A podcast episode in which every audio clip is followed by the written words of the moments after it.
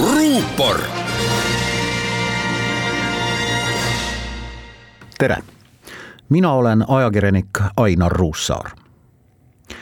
mis on reeturi palk, küsisime me laulva revolutsiooni aastatel Tartu Ülikooli tudengitena naljatades üksteise käest. vastus oli, et sada kakskümmend rubla pluss preemia see pidi justkui olema viide nendele üksikutele üliõpilastele või õppejõududele, keda KGB-l värvata õnnestus. Värvata selleks, et tudengite meelsust uurida. ehkki kaheksakümnendate aastate lõpus oli see juba tulutu tegevus. luuramises ja spioonide värbamises pole ju midagi uut seda on aastasadu viljelenud ja viljelevad siiani kõik riigid. spioonidest on kirjutatud kümneid tuhandeid raamatuid ja vändatud tuhandeid filme ja teleseriaale. Luuramisega ei tegele ainult riigid, sellega tegelevad sageli ka konkureerivad ettevõtted, netipetturid õngitsevad pangakontosid ja võimalik, et peagi on meie taskus tehnoloogia, mis võimaldab pahalastel meie järele nuhkida hiljuti avaldatud Välisluureameti raport juhtis Venemaalt lähtuvate ohtude kõrval märkimisväärselt palju tähelepanu ka Hiinale. suurriigile, kellega võrreldes on Eesti justkui kirbupoja tagumise jala väikese varba küüs. tegelikult ei ole ja Eesti on tegija. Euroopa Liidus, NATO-s, küberkaitse arendamises ja mitmes muuski valdkonnas. tegijate saladuse vastu tunnevad teised tegijad alati huvi lisaks Venemaale nüüd üha rohkem ka Hiina. selles mõttes pole teade Tallinna Tehnikaülikooli tippteadlase Tarmo Kõutsi koostöös Hiina luurega justkui eriline üllatus. Tegelikult ikka on, sest õnneks pole välismaa kasuks salajaste andmete kogujate tabamine küll igapäevane uudis, aga teatud regulaarsusega suudab Eesti vastuluure neid siin tegutsevaid spioone siiski päevavalgele tuua ja prokuratuur kohtu ette saata kohus määras nüüd tabatud Eesti teadlasele, kellel oli ka luba puutuda kokku mõnede riigisaladustega, Hiina kasuks luuramise eest kolmeaastase vanglakaristuse. Nii vähe, võiks ju küsida väidetavalt selle asja uurimine siiski veel käib ja Hiina salateenistuselt saadud seitsmeteistkümne tuhande euro eest ei jõudnud Tarmo Kõuts siiski Eesti riigi ja NATO saladusi reeta. või ei jõutud siis honoraris kokkuleppele tegemist on tunnustatud merendusteadlasega, kes tegeles aktiivselt sadamate, mereteede ja merepõhja geoloogiaga.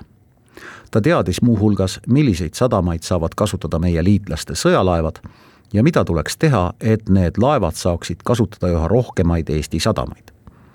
ta jagas oma teadmisi NATO-ga. ta jagas oma teadmisi raha eest ka Hiina salateenistusega. Hiina luure värbas mehe väidetavalt Hiinas oma riigi territooriumil saavad ju salateenistused tegutseda üsna riskivabalt ning inimlikud nõrkused jäävad meid kõiki ühtviisi saatma Tallinnas, Moskvas, Pekingis ja Hongkongis. inimlikud nõrkused ei tähenda ainult otseselt raha selleks võivad olla kallid reisid, luksuslikud hotellid, peened restoranid ja vaimustavad kingitused. nüüd on paslik meenutada teisi viimasel ajal tabatud kuulsaid spioone, kes olid Venemaa salateenistuse palgal kuulsaim neist oli Herman Simm, kes sai riigireetmise eest enam kui kaheteistaastase vanglakaristuse. kehva tervise ja vanuse tõttu vabanes ta vanglast ennetähtaegselt.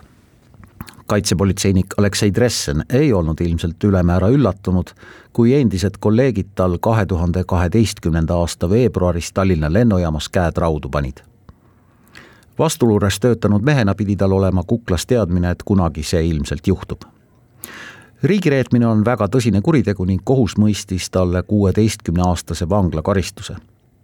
Dressenil siiski vedas, kuna ta vahetati välja varem röövitud ja Venemaal vangi mõistetud Eston Kohveri vastu. kaitseväelase Deniss Metsavase vahistas kapo kahe tuhande kaheksateistkümnenda aasta septembris. Venemaa luurele edastatud Eesti ja NATO saladused maksid talle vabaduse viieteistkümneks ja pooleks aastaks veidi väiksema kaliibriga tegelasi, kes spioneerimisega vahele on jäänud, on Eestis veel. kui püüda eelnevat kuidagigi positiivselt kokku võtta, siis ehk nii. kui Eestis poleks kümne aasta jooksul tabatud ühtegi spiooni, siis oleks see ilmselt halb märk. Pole ju põhjust arvata, et Venemaa või Hiina oleksid Eesti vastu huvi kaotanud. märgid näitavad vastupidist nutikust ja järjekindlust tuleb aga soovida kõigile, nii neile, kes siin saladusi kaevavaid mutte püüavad, aga ka neile, kes üritavad meie riigi jaoks olulist infot oma vabaduse ja võib-olla ka oma eluga riskides kusagil sealpool hankida. aga üks hea uudis päris lõppu siiski veel. homme samal ajal kehtib juba ametlikult kalendrikevad. ruupor